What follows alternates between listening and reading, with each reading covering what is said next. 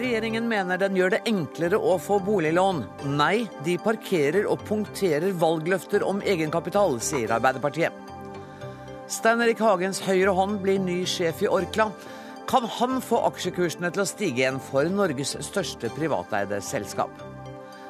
Oslo kommune holder fast ved planene om å konkurranseutsette barnehager, til tross for protester og fakkeltog.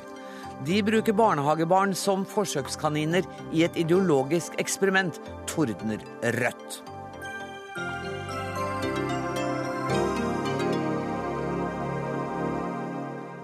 Dette er Dagsnytt 18 denne torsdagen, der vi også skal høre at nordkoreanere skal fremføre Kardemommeby på norsk i Bergen litt seinere i sendinga. Men først. Finansdepartementet varsler oppmyking av dagens regelverk for boliglån. Bankene kan nå i enkelte tilfeller senke egenkapitalkravet fra 15 til 10% sa finansministeren i dag. Jon Gudar Pedersen, statssekretær i Finansdepartementet, hva innebærer dette? Det innebærer at eh, vi markerer bankenes eh, mulighet til å vise noe mer fleksibilitet enn det mange av dem har tolket til å ligge i regelverket tidligere. Det er ikke bare dette Noe mer? Noe mer fleksibilitet. Vi går ikke inn for store, massive endringer. Det er et øh, boligmarked som vi ikke skal lage for store svingninger i. Vi har et høyt gjeldsnivå, og vi har et, en boligprisutvikling som vi ikke skal lage. Vi skal ikke sende noe sjokk inn i boligmarkedet. Men vi gjør det noe mer fleksibelt. og i tillegg til akkurat dette, så er det et par andre viktige presiseringer i det regelverket også som gjøres. Jeg skal ikke gå inn i detaljene på det, men som også virker i samme retning. Av å gjøre det noe mer fleksibelt i forhold til å vurdere den individuelle låntakeren. Hvem vil disse nye lempningene først og fremst eh, være til fordel for? De er rettet nesten ensidig mot eh, førstegangskjøpere av bolig. Det er de som har de største tersklene for å komme inn på boligmarkedet, og som vi har fått signaler om at opplever de største problemene. Så det er rettet inn først og fremst mot dem. Men det er en del andre tiltak som gjøres også, og de, de, de har nok en litt bredere profil. Men etter det du sier, så forstår jeg det slik at dere i hovedsak eh, støtter Finanstilsynets vurderinger som har gått på at man skal forsøke å dempe kredittveksten? Ja, det, gjeldsveksten i Norge har jo vært høy, og det er viktig å prøve å få noe mer kontroll på den. Men eh, det har noen uheldige utslag, den måten dette har vært praktisert på, og det forsøker vi å gjøre noe med. Men vi ønsker ikke å sende store sjokkbølger inn i boligmarkedet, men vi gjør det vi lovet vi skulle gjøre før valget, nemlig å adressere situasjonen for førstegangskjøpere spesielt. Truls Wickholm, varamedlem i finanskomiteen for Arbeiderpartiet. Ehm, nå sier statssekretæren at de gjør det de lovet før valget. Er du enig i det? Altså, jeg hører hva statssekretæren eh, sier, men i Arbeiderpartiet så kan vi jo ikke skjønne annet at det eneste de faktisk gjør, er å frafalle det løftet de hadde før eh, valgkampen. Eh, det de gjør nå, er jo å si at det som bankene har gjort tidligere, det er greit, det er bra. Vi ser jo i dag reaksjonene fra en del banker som sier at dette er jo den fleksibiliteten vi allerede har hatt. En fjerdedel av låntakere under 35 får allerede låne over 85% Det som hele tiden har vært bankenes eh, vurdering, er jo om låntakerne klarer en renteøkning, eh, og om de har betalingsevne til å kunne eh, håndtere det lånet. Og Det sier man jo ikke nødvendigvis noe om her. Sånn at, det står altså, i det brevet at man nettopp skal vurdere det, det brevet som Finansdepartementet har sendt Finanstilsynet, så er det vel nettopp de presiseringene som ligger der. At skjønnet skal utøves i forhold til eh, betalers evne til å spare, til å ivareta sine forpliktelser. Ja, og det, sånn som vi kan se det, så ligger jo det allerede der i dag, hvor det er et krav på at man kunne, må kunne håndtere en renteheving på eh, 5 Så jeg har også lest hva Siv Jensen sier i, i, dag, og sånn som jeg kan se det da, så betyr vel det at eh, dette er vel mer en, kan jo se ut til å være en skjerpelse for unge eh, låntakere, hvor man også må forplikte seg til å binde eh, renten, og at unge låntakere ikke nødvendigvis får nyte godt av den lave eh, flyterentene som vi har nå. Men du, for å være helt ærlig, Nå høres det litt ut som du leter etter argumenter for å ta det, for egentlig så er jo dette i tråd med det den rød-grønne regjeringa ville? Helt klart. Og hvis vi kan, på en måte, kan få det lagt på bordet at dette er ikke så store endringer. Dette er egentlig en videreføring av den situasjonen som vi hadde før valget. Så kan jeg gjøre én ting, og det er å rose finansminister Siv Jensen for at hun nå frafaller de tingene hun har sagt før, og kommer inn i hva skal jeg si, sentrum i forståelsen av, av dette. Og gjør som statssekretæren sier, ikke sende store sjokkbølger inn i økonomien. Men vi var jo veldig usikre på hva som kunne skje. De har jo Frp lovt å frafalle egenkapitalet helt. Og de borgerlige partiene gikk jo til valg på at de skulle senke egenkapitalkravet til 10% ikke bare sende et brev, sånn som de slik har gjort nå. Og det er vel, det er vel riktig, statssekretær Pedersen? Altså for det første så er, ikke, så er, det ikke slik at Arbeiderpartiet var usikre på hva vi ville gjøre. For de kommenterte jo det vi gjorde i dag allerede for en uke siden. Slik at de hadde en veldig klar oppfatning av hva vi kom til å gjøre. Og så er det ikke sånn som, eh, som, du sier, at det bare er dette vi gjør, og at det ikke betyr noen ting som helst. Det er, det er til og med slik at Frode Grytten, professor på NRKs egne hjemmesider, han er jo redd for at vi kanskje tar litt for hardt i og gir litt for mye fleksibilitet. Det er i hvert fall ikke snakk om at det er en innstramning for førstegangskjøperne. Ja, og det er andre ting her også, bl.a. dette at vi må legge vekt på lånsøkernes fremtidige evne til å betjene lån. Det står faktisk ikke i retningslinjene i dag, det. Så det er en veldig viktig presisering. Og det handler om denne gruppen. Men men det intet er bedre enn om Arbeiderpartiet kan være enig i dette og stå sammen med oss om det. Fordi nå, nå er vi i ferd med å meisle ut en boligpolitikk her, og det har vi ikke hatt på snart et tiår. Vi gjør noe med arveavgiften, som øker muligheten til å skape generasjonssolidaritet. Vi gjør noe med boligsparing for ungdom. Vi gjør noe med byggeforskriftene så det blir billigere å bygge. Og vi gjør noe med planleggingstiden så det går fortere. Og jeg er glad vi ting på snakke også. I dag snakker vi om kravet til egenkapital. Uh, Trond Bentestuen, du er konserndirektør for personmarkedet i DNB. Eh, hvem, hvilke konsekvenser får det for dere, dette brevet som nå er sendt fra Finansdepartementet til Finanstilsynet? Altså jeg tror det får eh, konsekvenser for hele næringen. fordi eh, Først og fremst så syns jeg det er viktig å, å, lese ut av det brevet at, man, eh, at, myndighetene ønsker en lik praktisering blant norske banker. Det har det ikke vært. Nei, det tror jeg vi kan være enige om. fordi De tallene som jeg ser, det er jo snittbetraktninger av hvordan bankene opptrer. Og spriket i kredittpraksisen det er nok ganske stort. Slik at signalet fra finansministeren i dag det er ganske tydelig på at vi må vektlegge fremtidig betjeningsevne som blir sagt her, i sterkere grad eh, enn vi kanskje har gjort tidligere. har da Arbeiderpartiet litt rett i sin bekymring for at dette kan bety en innstramming i forhold til eh, førstegangskjøpere? Nei, jeg tror ikke det. Jeg tror dette er et eh, positivt signal for unge mennesker i Norge. Du vet, eh, når egenkapitalkravet ble strammet inn, så sa vi i DNB at vi var veldig opptatt av at når man strammer inn på én side, så må man legge til rette for sparing på den andre. Fordi det vil være en utføring å bygge seg opp egenkapital for å kjøpe bolig. Så vi mener dette er et skritt i rett, riktig retning. Jeg tror det er viktig å være, være tydelig på at uh, disse retningslinjene åpner for skjønn, slik de har vært, og slik de er. Eh, og Det gjør at du får en ulik praksis. Så Jeg opplever at dette er et skritt i riktig retning for å legge mer vekt på betjeningsevnen til unge låntakere. Fordi Du sier åpning for skjønn, men nå er det altså kanskje tydeligere angitt hvilke deler av det skjønnet man skal legge vekt på, da? Ja, Det opplever vi i hvert fall. Og, og eh, så, så, Sånn sett så syns vi det er, er, positivt. Og så er det viktig alltid å legge til at dette er ikke noe unnskyldning for ikke å drive godt bankhåndverk.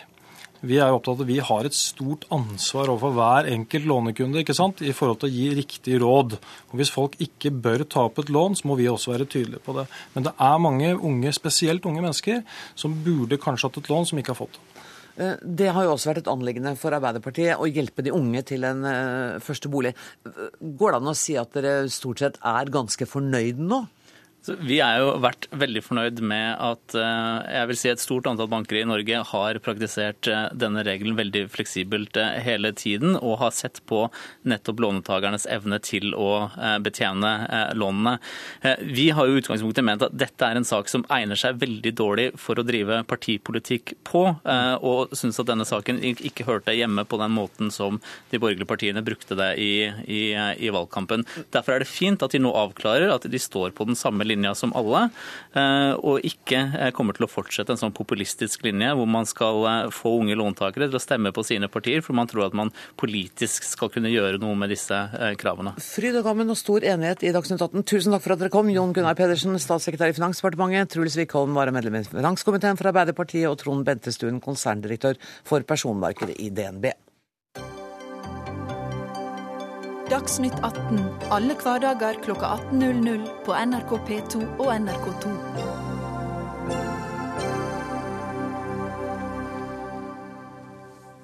Peter A. Rucika heter den nye toppsjefen i Norges største privateide selskap Orkla.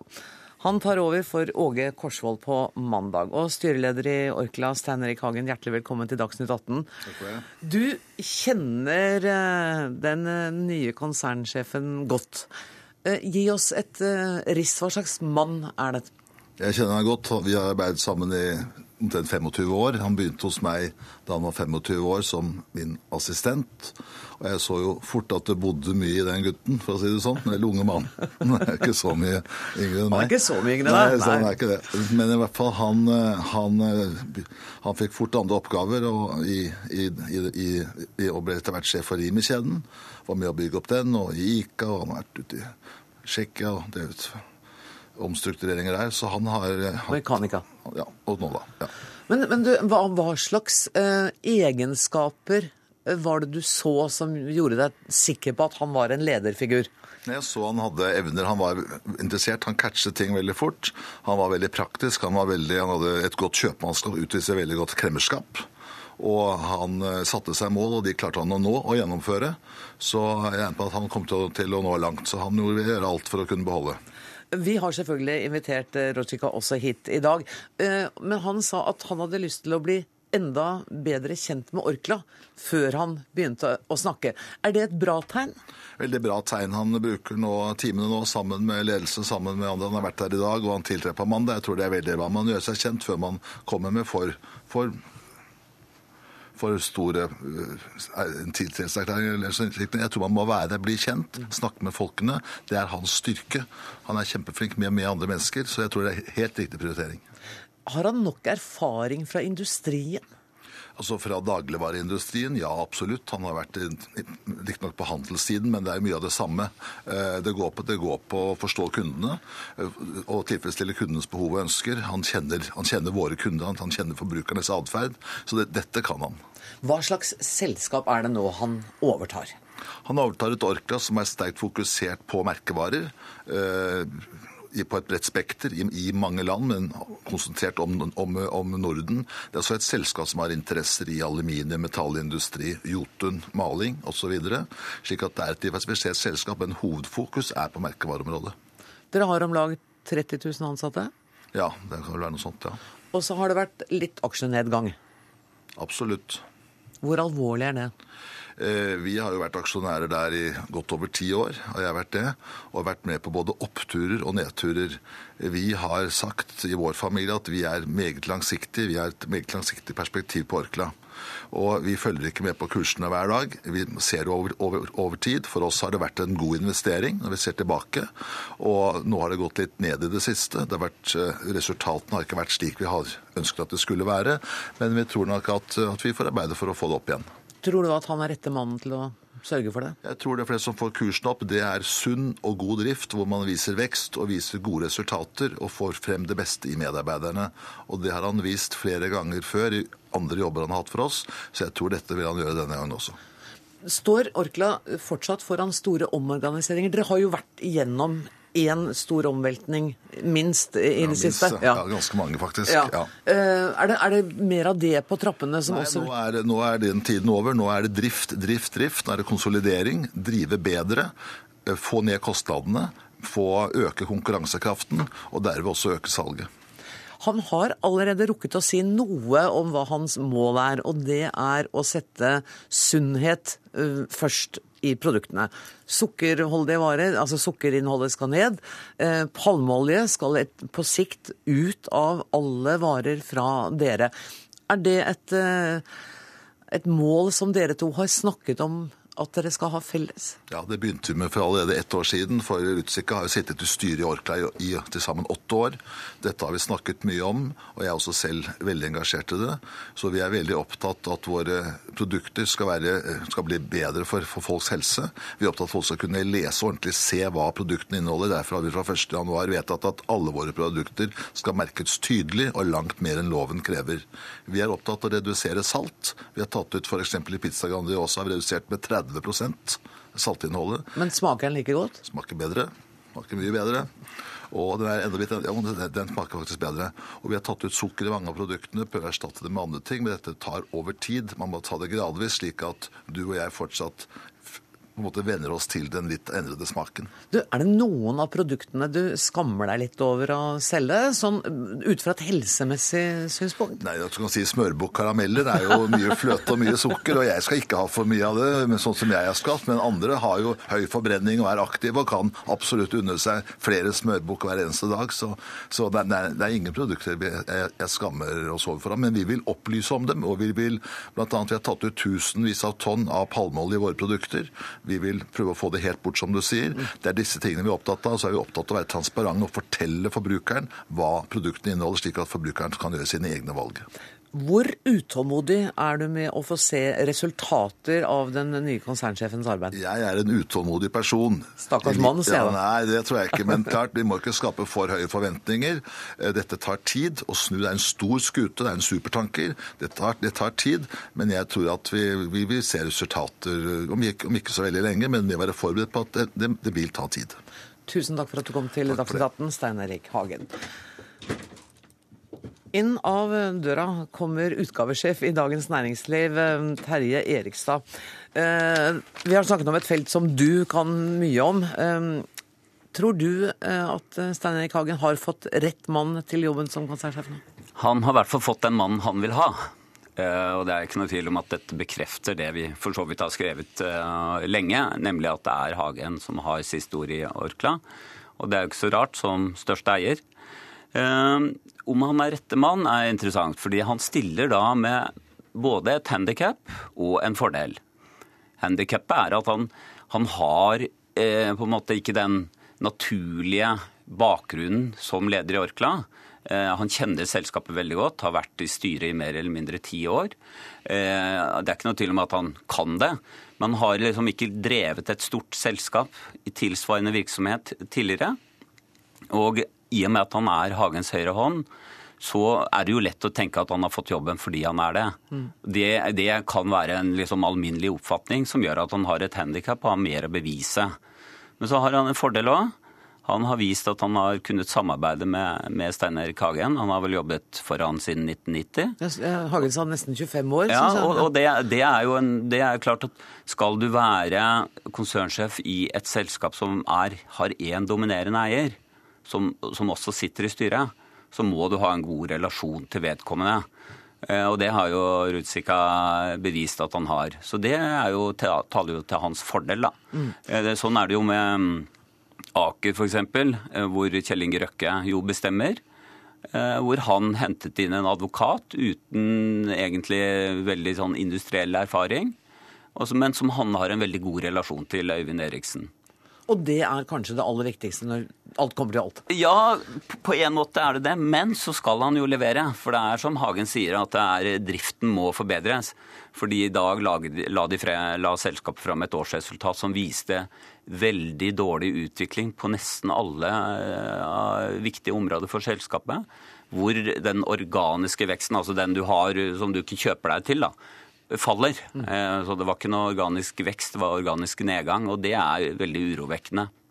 Hagen sier at han er en utålmodig mann. Hvilke krav er det den nye konsernsjefen nå står overfor? Ja, altså De kravene er ganske ambisiøse. Han skal få selskapet til å vokse med flere prosent. Bare ved å selge flere jeg håper si, varianter av Grandiosa eller andre produkter.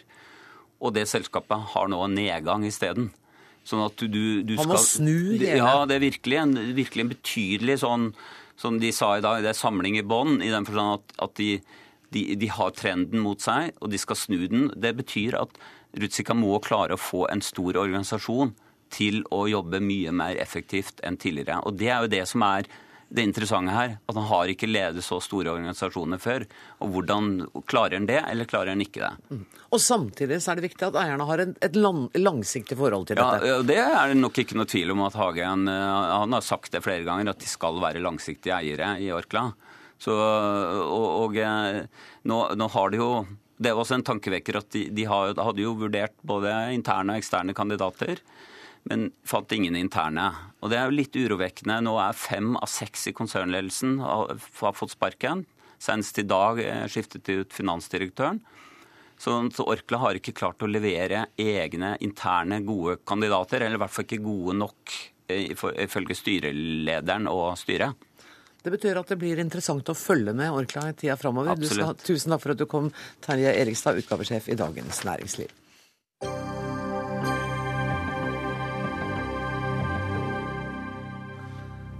FN og Syria er enige om at sivile i den syriske byen Homs skal evakueres. Ifølge det statlige syriske nyhetsbyrået innebærer avtalen at sivile blir garantert utreise fra bydelene i gamlebyen veldig snart.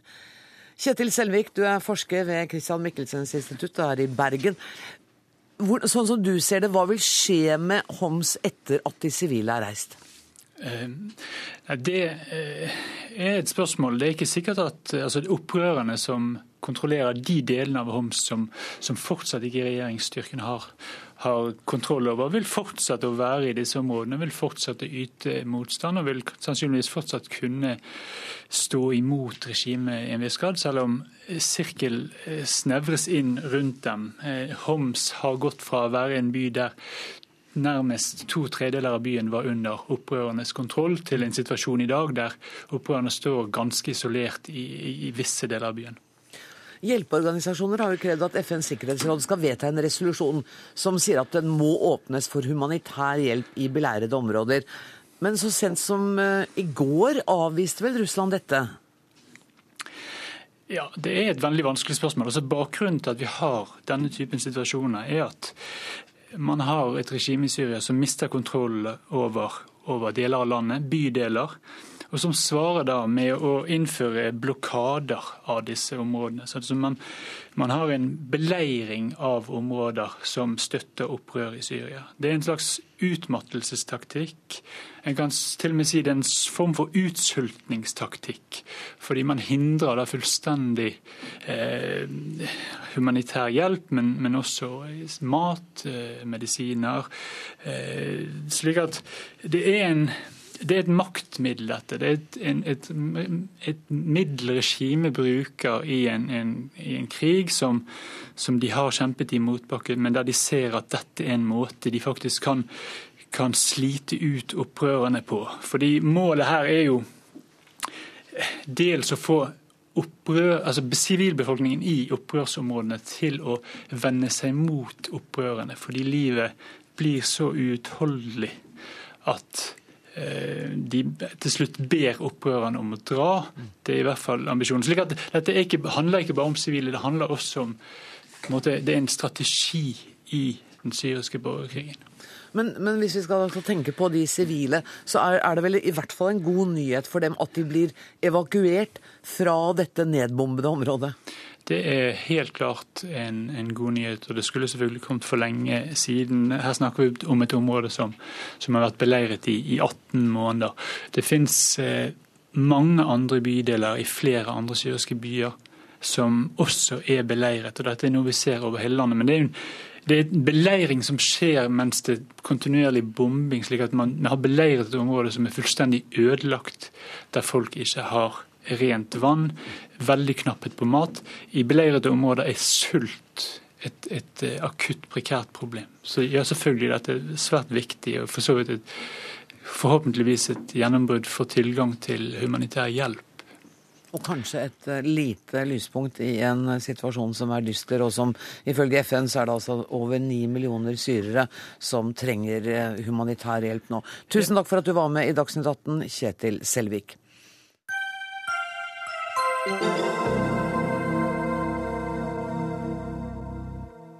I går kveld stemte det borgerlige bystyreflertallet i Oslo kommune mot opposisjonens forslag om å stoppe den omstridte konkurranseutsettingen av sju kommunale barnehager.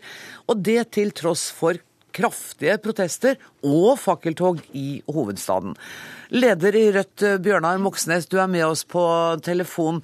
Og dette fikk deg til bokstavelig talt å se rødt. Du tordnet på Facebook etter avstemningen.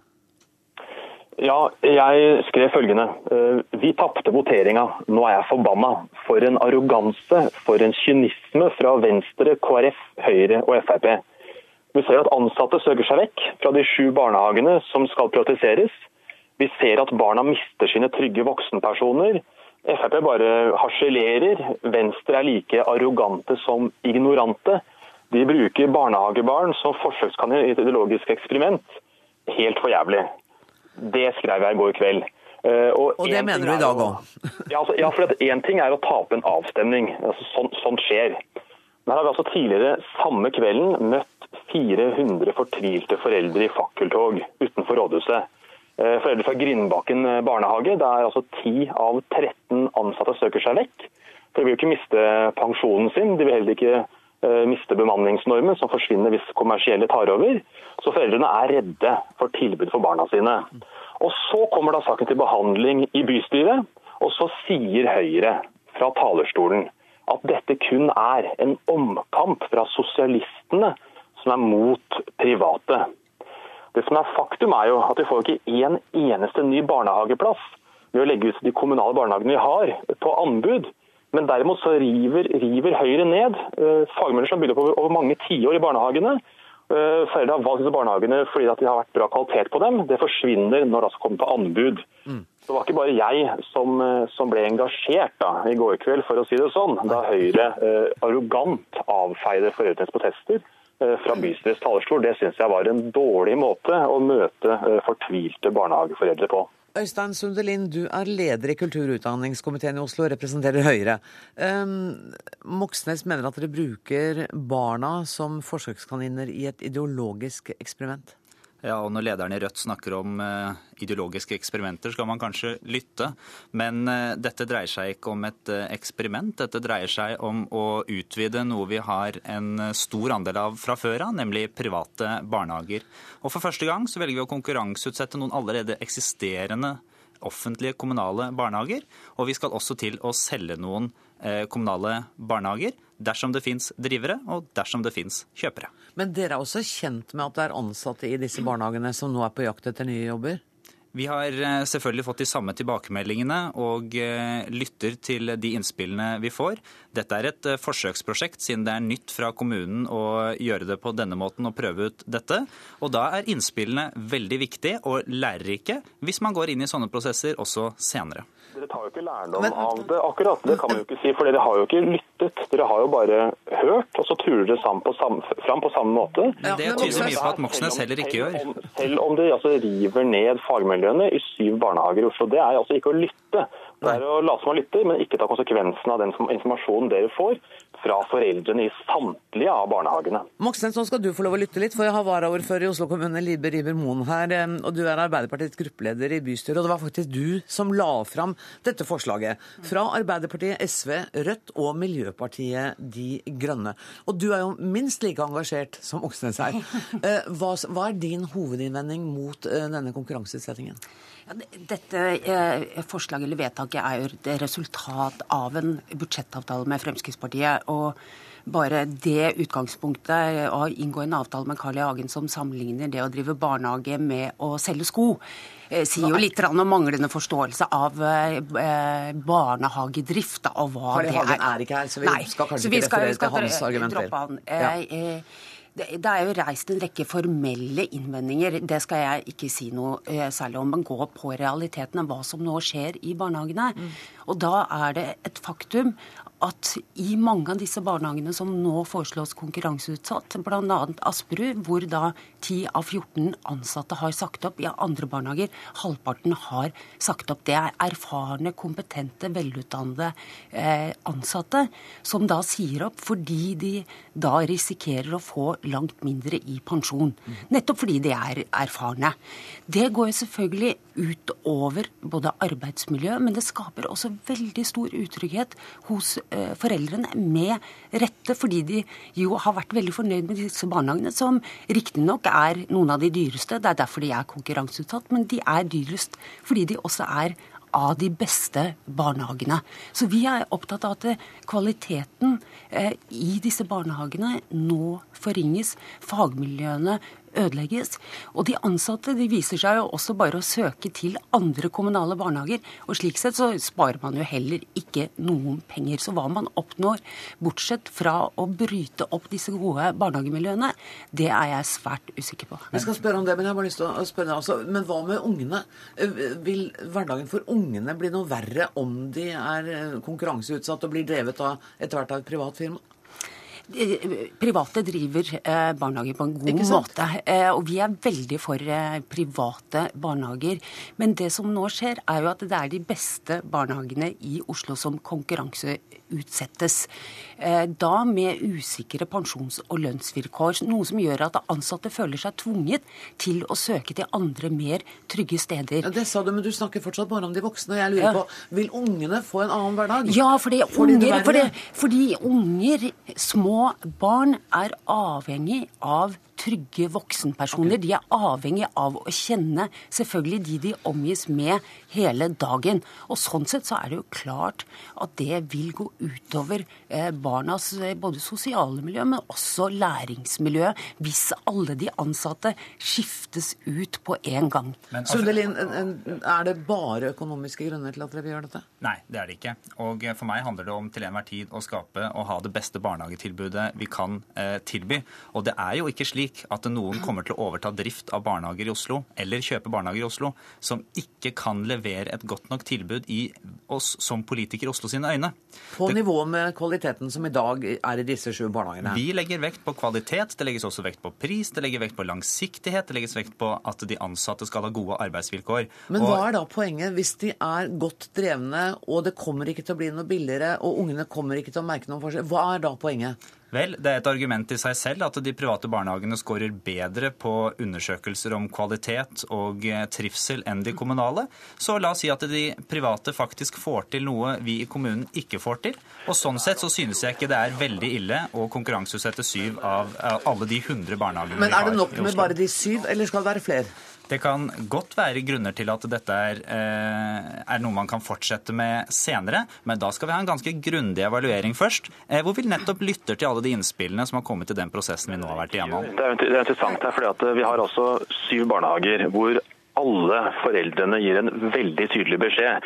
At de har valgt disse barnehagene fordi det er barnehager som har god kvalitet, ansatte som har jobba der i mange år og som tar godt vare på barna. Og så blir altså han ut på anbud, og da vil også de ansatte forsvinne.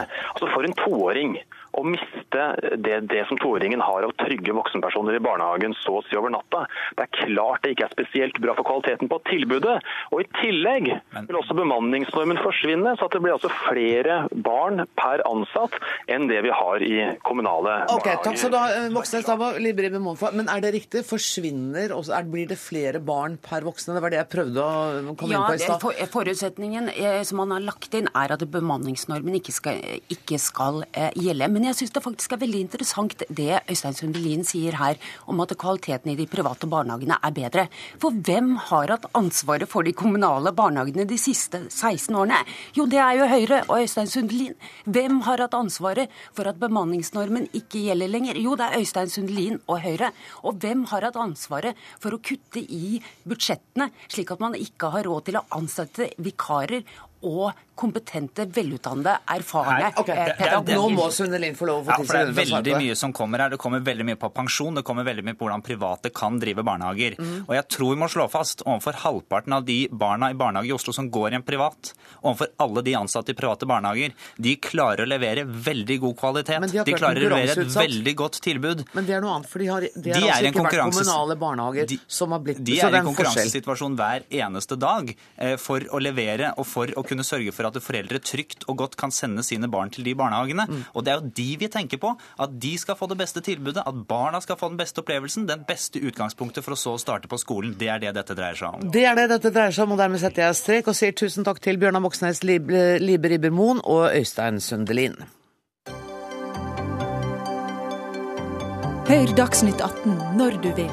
Radio NRK Radio.nrk.no.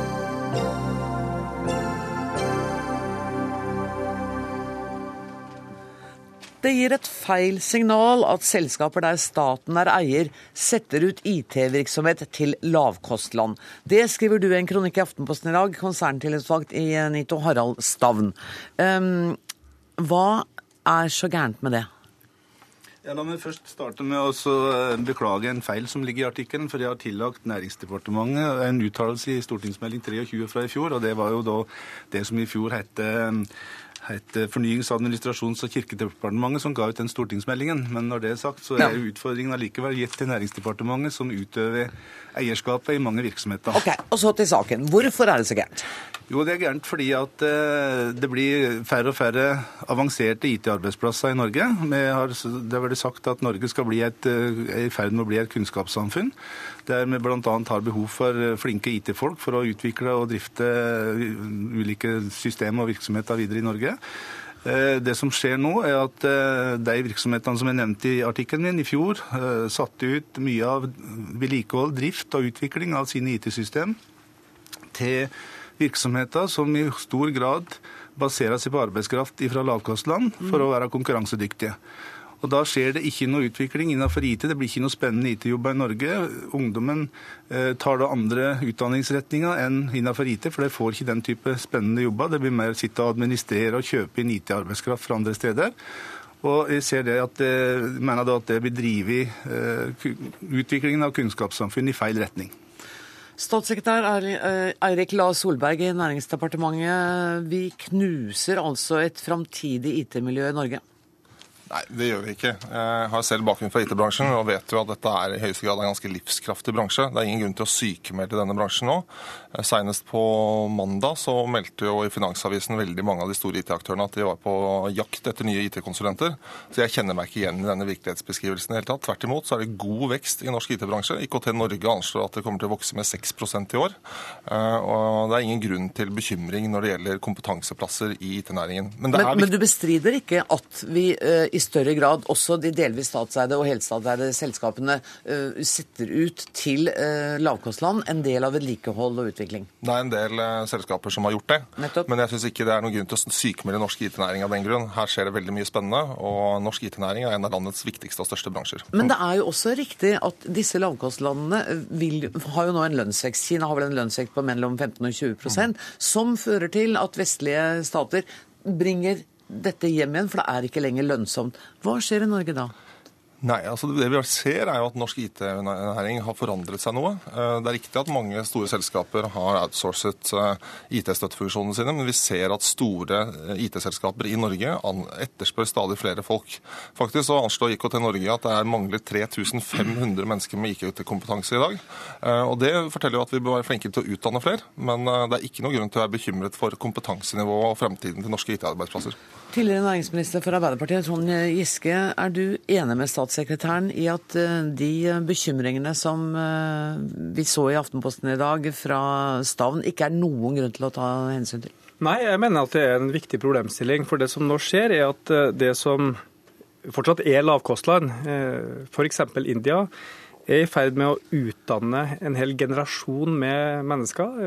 Utdanne 400 000 ingeniører i året i, i India, som etter hvert klatrer oppover i næringskjeden, tar mer avanserte jobber. Og Hvis vi ønsker å beholde et konkurransedyktig næringsliv i Norge, så var i hvert fall vår regjeringssyn og Arbeiderpartiets syn at vi må satse på noen sterke næringsklynger. Vi har gjort det på olje og gass, vi har gjort det på skipsfarten, vi har gjort det på eh, havbruk. Eh, og I den næringsmeldinga vi la fram i fjor vår, så sa vi at IKT skulle være en av disse klyngene. Den næringsmeldinga ble trukket av den nye regjeringa. Eh, man har varsla at man skal komme med en ny. Eh, men sist vi hadde borgerlig regjering, så var man for det såkalte næringsnøytrale prinsippet. At det spiller egentlig ingen rolle hva vi driver med, bare vi driver godt. Men det man vet fra internasjonal økonomi, er at land som satser systematisk forskning, kapital, utdanning, på noen sterke klynger lykkes bedre enn dem som har en passiv næringsnøytralitet. Men, men, samtidig så er det jo da sånn at også eh, norske bedrifter skal være konkurransedyktige, og må kanskje gå til eh, lavkostland for å få utviklet og vedlikeholdt Eh, sine systemer. Ja, og jeg tror at Når vi snakker om IKT som bransje, så er jo det enormt mange forskjellige ting. Mm. Altså Masseproduksjon av nettbrett skal ja. vi neppe sette i gang med i Norge. Det tror jeg Kina og Indonesia og andre gjør eh, mer kostnadseffektivt. Eh, men på svært avansert utstyr, som f.eks. krever enormt eh, driftssikkerhet, på utvikling av avanserte systemer, på Eh, vi er jo veldig gode på sånn organisasjon, teknologi, møte menneske. En, en masse nisjer kan vi utvikle en sterk IKT-bransje. Men da gjelder det at regjeringa skjønner at IKT ikke bare er en leverandør til andre næringer, men er en næring i seg sjøl. Og Og krever forskning, kapitalsatsing. Og jeg vil si bare én ting til slutt, som, som denne artikkelen egentlig eh, berører. En offentlig sektor som aktivt bruker sin store innkjøpskraft til ikke bare å ta hyllevare til billigst pris, men også utvikle nye produkter, innovere og skape produktivitetsutvikling. Men det var nettopp det du var bekymret for, at evnen både til forskning og innovasjon vil smuldre opp hvis man ikke gjør noe. Ja, og jeg, har ikke sagt at jeg ville sjukemelde bransjen, men jeg har, sagt, jeg har sendt et varsel om at her kan det skje noe på sikt. For det skjer ikke i dag, det skjer ikke i morgen, det skjer kanskje ikke om en måned, kanskje ikke om to år, fem år. Men den dagen Det er jo ikke så lenge siden vi snakket om at, eller hørte snakk om at det, det gikk eh, ti testere i India på en norsk tester, altså i forhold til lønnsnivået. Nå er nok det atskillig færre i dag, men det som, det som bekymrer meg mest, det er signaleffekten som blir gitt. For det første, eh, Den virksomheten jeg sjøl jobba i, var jo en av de første som begynte å, å ta offshore virksomhet. Det gir et signal at når en stor eh, bedrift innenfor IT kan gjøre det, så kan vi andre gjøre det. Da kom det andre som var nevnt i artikkelen etterpå. Og Det gir òg et signal til de private virksomhetene. Du hadde jo besøkt av Norkla-sjefen her i stad. De gjorde det samme i fjor. Signaliserte at de skulle sette ut, skulle tjene 200 millioner på fem år og sette IT-driften til et firma i India. Og da, da er bekymringen at det, det, vi får en situasjon i framtida der vi verken har god nok kompetanse, eller at vi har, eh, kan ta tilbake de arbeidsplassene når det ikke lenger er lønnsomt å ha det i India. Men hva er ditt svar da? Skal vi ikke være konkurransedyktige da? Altså mitt svar, er, Min utfordring er jo det at jeg mener at virksomhetene må tenke mer på hva er det som skal være kjernevirksomheten. Hva er det som vi må ha innahus for å, for å faktisk drive eh, både sikkert og lønnsomt. Eh, sikkerheten er jo et moment som ikke er nevnt i artikkelen i det hele tatt, som krever en egen artikkel. Og som krever nesten en egen sak i Dagsnytt 18. Ja, det tror jeg vi må komme tilbake til. til. Eh, Jeg har lyst til å gå til professor i økonomisk historie, Einar Lie. Som vi hører her, så skjer dette i flere og flere bransjer i vestlige land. Er dette en situasjon vi bare må lære oss å leve med? At sånn er det? Ja, det er litt forskjell på Norge og mange vestlige land. I Norge så har vi etter tvert fått et veldig høyt lønnsnivå og et veldig likt lønnsnivå. Og Det er en god ting, det er et gode. Men det gjør jo samtidig at vi må ha veldig høy produktivitet i næringslivet, også i offentlig sektor. Og det ligger bak det kravet til omstillinger, som dette for så vidt er en del av. Sånn at man kan gjøre mange ting for oss å håndtere en situasjon, men hvis vi skal ha et høyt lønnsnivå, det tror jeg vi ønsker, så er dette en del av det at vi har høye omstillinger. og eh, vil si at oppgaver som kan løses i lavproduktive land, må skyves dit for at vi skal kunne holde kun de høyproduktive oppgavene her hjemme. Men kan det få den type negative konsekvenser som Stavn nevner her, med at vi da ikke er med på å utvikle miljøer? eh, Vi blir hengende eh, i bakleksa. eh, Og det kan hende at lønnskostnadene i disse landene også stiger så mye at det vil ikke være lønnsomt. Nå det- nå fikk du fire spørsmål på en gang, vær så god. det, er veldig, det er veldig lenge til det siste, for Ja. å si det sånn. Det er veldig langt mellom Kina og Norge. Men problemstillingen er veldig kompleks. Giske var inne på det at IKT-industrien, vanskelig ord, at det er noe veldig, veldig vrient, og det er, det er veldig mye fasetter i det. Store deler av den er veldig lavproduktiv. Eh, Denne diskusjonen har jo vært i forskjellige fasetter siden 70-tallet. Den gang var det jo elektronikkindustri og damer som satt og sveiset små kort, og det var liksom den gryende industrien. Nå er det jo produksjon av enkle komponenter osv. er en, en veldig sånn arbeidskrevende del av industrien. Sånn at jeg tror at eh, sånn som teknologien er i ferd med å utvikle seg, så tror jeg at vi riktigst må se på IKT-teknologi som noe ekstremt kraftfullt og produktivt, men som ikke bare er i én industri, som først og fremst virker ved at det er i veldig mange bransjer, og at man må kunne ta den i bruk på avanserte måter. Og da trenger man, Det er ikke noe enkel oppskrift på det, men det er veldig mye avansert industri i Norge, fra leverandørindustri, mekanisk industri, metallindustri for så vidt, som krever kompleks kunnskap, kompleks kompetanse, hvor bruk av IKT er en veldig integrert del av det. Statssekretær Solberg. Ja, jeg er veldig enig i det mye av det som uh, tidligere næringsminister Giske sa. Jeg tror det er viktig at vi satser på noen uh, sterke bransjer og klynger i Norge. IT er definitivt en av dem. Vi har store selskaper uh, som er attraktive også for utenlandske selskaper. Vi har sett f.eks. at Microsoft for noen år siden kjøpte Fast. Vi har sett at andre har kjøpt Visma. men arbeidsplassene er blitt beholdt i Norge fordi de ser at vi har sterk kompetanse på dette området. Og da er vi nødt til å satse videre på den. en av de tingene jeg mener den forrige regjeringen forsømte seg på, at de ikke satset nok på forskning. I statsbudsjettet for i år eh, har den nye regjeringen fått gjennomslag for å styrke SkatteFUNN-ordningen, og vi har styrket bevilgningen til næringsrettet forskning ganske betydelig. Eh, og, det ble også nylig eh, vedtatt at dette nye såkornfondet, som det har vært bred enighet om, skulle gå til IT-bransjen. Så vi satser ganske tungt på IT-bransjen, og vi ser jo også at det er veldig positiv vekst. Norske bedrifter ligger langt framme, men også de norske IT-konsulentmiljøene, som på sett og vis er det som er omtalt i denne artikkelen i dag, de vokser, og det etterspørres veldig, veldig mange IT-konsulenter om dagen. Så det er ikke grunn til noen alvorlig bekymring? Vi bør ikke snakke om sykemelderbransjen, men det er i det hele tatt ikke noen grunn til bekymring? Nei, Man skal følge med på utviklingen, men sånn som det ser ut nå, så er det veldig lovende. Hvis vi fortsetter å satse på forskning, hvis vi fortsetter å satse på kompetansebygging og gi næringen konkurransedyktige rammebetingelser, eh, f.eks. gjennom et noe lavere skattenivå, så vil eh, vi forhåpentligvis få en veldig positiv utvikling her. Og vi ser jo at selskaper som Opera lykkes veldig bra om dagen. Giske. Altså, Ingenting er bedre nytt eh, enn hvis eh, enn at Høyre nå roser dere? Ja, nei, Det er noe bra, men, men, at de går bort fra en næringsnøytral linje. fordi at Dette er jo en, en, en, kjent konfliktlinje i norsk eh, økonomisk politikk og næringspolitikk i egentlig flere tiår. Det er, er det på en måte flate skattekutt eh, som bidrar best til næringsutvikling, eller er det målretta innsats innenfor noen spesifikke bransjer hvor du bygger kritisk masse? Og Jeg er 100% enig at grunnen til at vi er rike, er at vi lar andre ta seg av det lavproduktive massearbeidet, og så gjør vi det høyproduktive, kostbare, som vi får godt betalt for. Men det er klart at hvis IKT-bransjen ikke lenger har en kritisk masse til å være en klynge, eh, da sliter vi. Eh, og jeg tror at når vi skal satse på IKT, det skrev vi i næringsmeldinga, så bør vi kanskje se på hvor IKT møter disse andre sterke næringene våre. Hvor IKT møter skipsfarten, olje og gass, eh, havbruk, miljøovervåkning, som vi er gode på. Eh, her tror jeg vi har eh, mye å hente. og Vi er jo bare begynt på den neste IKT-revolusjonen. Den første var liksom apparatene. Nå er det hvor IKT gjennomstrømmer alle andre bransjer, altså internett 2.0 og alt det, alt det, avanserte. Bare for å avslutte. Det er altså bedre å være middels god i en høyproduktiv, lønnsom bransje enn å være verdens beste i lavprodukt. Altså det er bedre å være verdens middels, middels eh, farmasøytprodusent enn å være verdens beste kaffebonde. Du tjener mer i de høyproduktive yrkene, og da må du satse på de som klynger.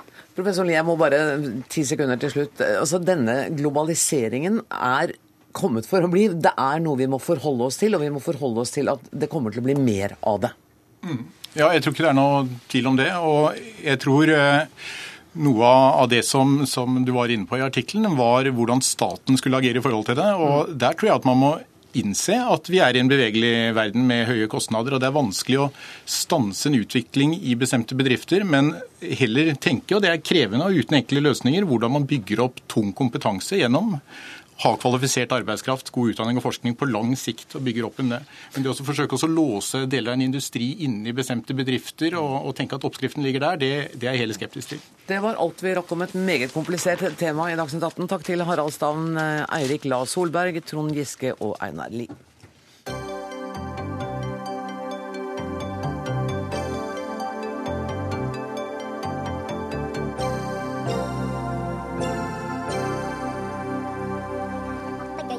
Amerika. Der ble jeg født for veldig lenge siden. Jeg snakket ikke da, men papegøye-mamma sa han lærer nok å snakke litt med tiden. Disse tonene skal nordkoreanske musikkstudenter synge og spille under Festspillene i Bergen til våren. Og det er du, Morten Tråvik, som eh, setter opp Kardem, en konsertversjon av Folk og røvere i Kardemomme by.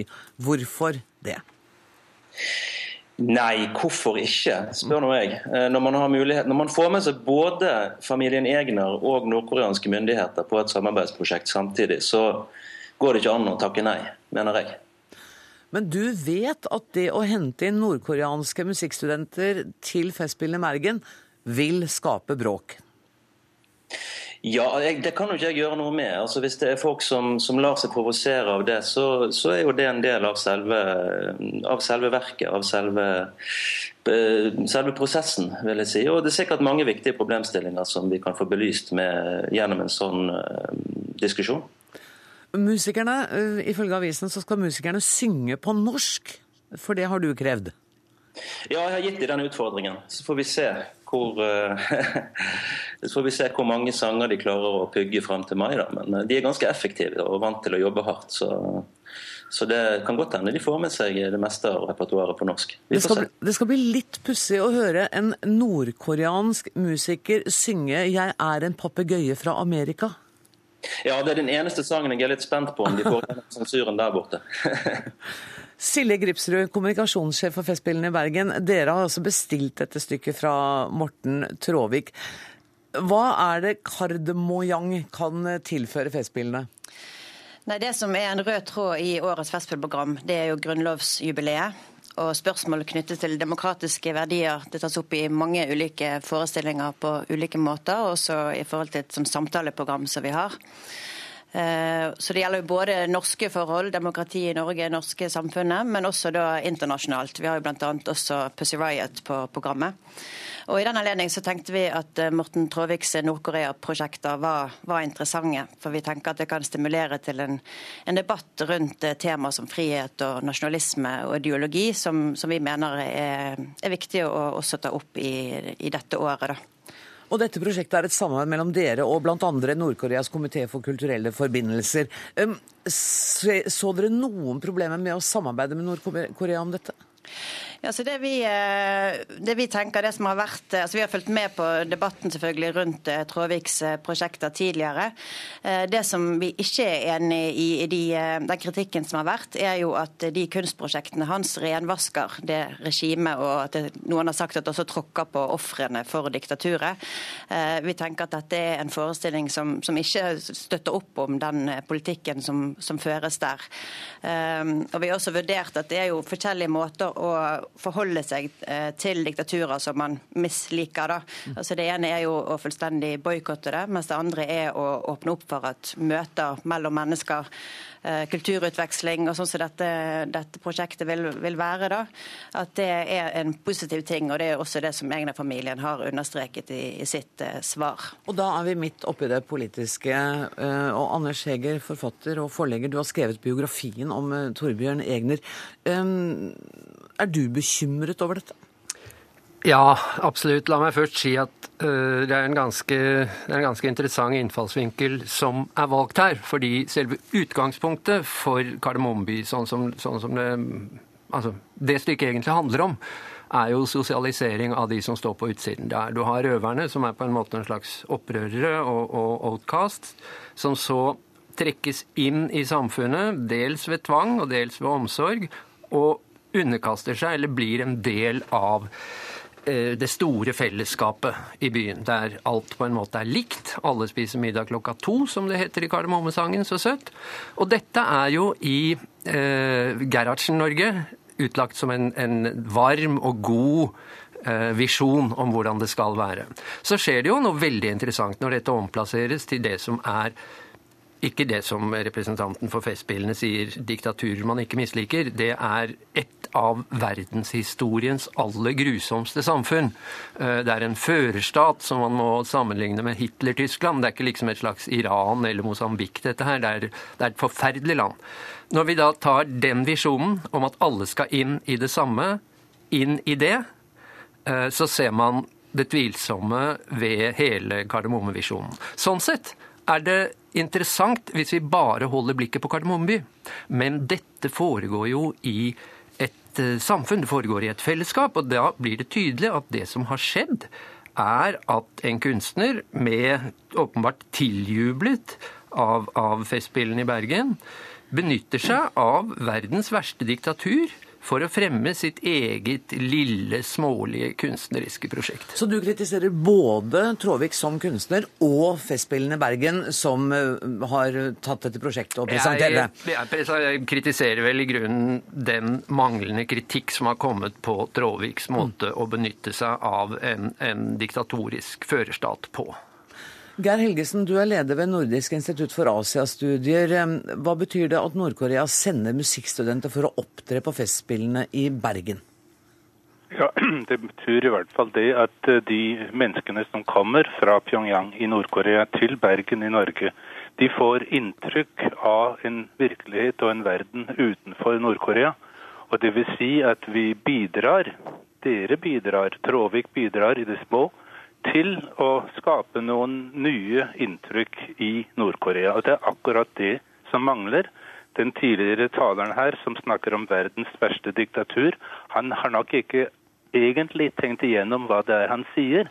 Fordi isolasjonen av Nord-Korea, som både er Nord-Koreas egen interesse, men som også er verdenssamfunnets reaksjon på Nord-Korea, det har ikke brakt menneskerettigheter og demokrati nærmere en virkeliggjørelse i Nord-Korea. Men det gjør faktisk Tråvik og folk som han, som tør å ta en risiko å være med til å bringe noe nytt inn i det lukkede landet. Heger, hadde du ikke tenkt Ja. gjennom hva du sa? Nei, absolutt ikke. Selvfølgelig har jeg tenkt på det. Saken er at her diskuteres det som om Nord-Korea er et land som man kan sammenligne med ja, f.eks. Iran da, eller Zimbabwe. Det er ikke tilfellet. Dette er en monolittisk førerstat der absolutt alt som skjer, er styrt av en jernvilje. Og det er jo helt klart, som det jo ble sagt her, man, sammen, man samarbeider ikke med miljøer i Nord-Korea, man samarbeider med nordkoreanske myndigheter, sa jo Tråvik selv. Men det, men det faktum at det kommer nordkoreanere da til Bergen, kan bringe med seg tilbake inntrykk, er det ikke noe å vektlegge? Eh, Det ville det vært hvis det var noe som lignet en mulig opposisjon man kunne spille på i Nord-Korea. Det er det ikke. Mener du at det er Derfor er det, er det f.eks. Du, du kunne sammenlignet med, med apartheid, f.eks., eller, eller andre samfunn hvor det, er, hvor det finnes noe å spille på. Det gjør det ikke her. Jeg syns det er utilgivelig naivt. Og også reagerer jeg på det at man bruker et, så, et slikt samfunn til å promotere sin egen kunst. Tråvik, dette er rettet rett mot deg. Det er provoserende at du bruker et sånt samfunn til å promotere din egen kunst. Ja, Gjesp, sier jeg bare til Anders Heger. Og det er jo helt tydelig at han eh, skal lære Anders Heger et, en huskeregel her. At den mest vellykkede propagandaen det er ikke den grovkornede propagandaen til diktaturer. Det er den du ikke vet at du er utsatt for. Og Heger har helt tydelig svelget eh, Det høres ikke ut som han noen gang har vært i Nord-Korea. I hvert fall ikke på de siste 20 årene.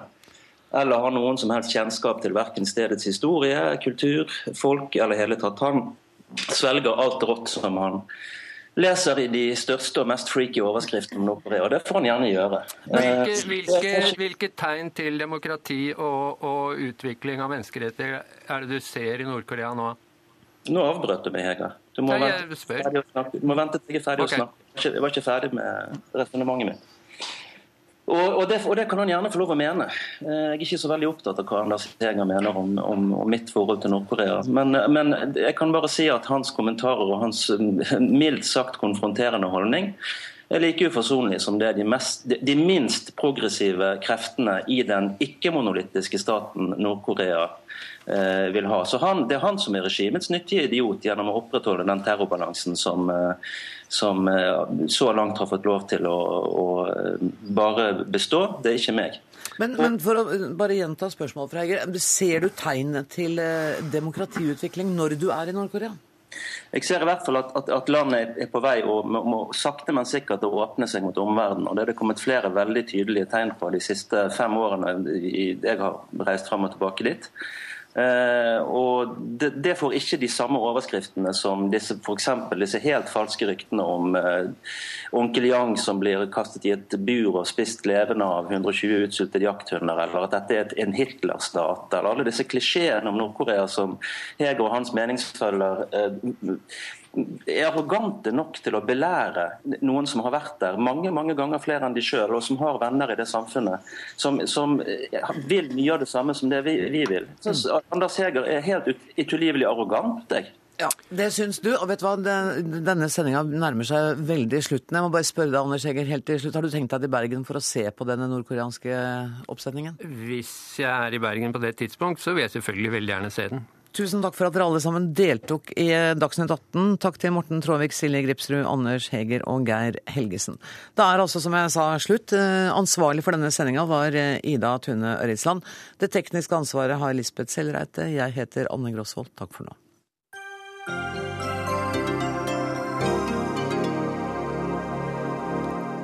Hør flere podkaster på nrk.no podkast.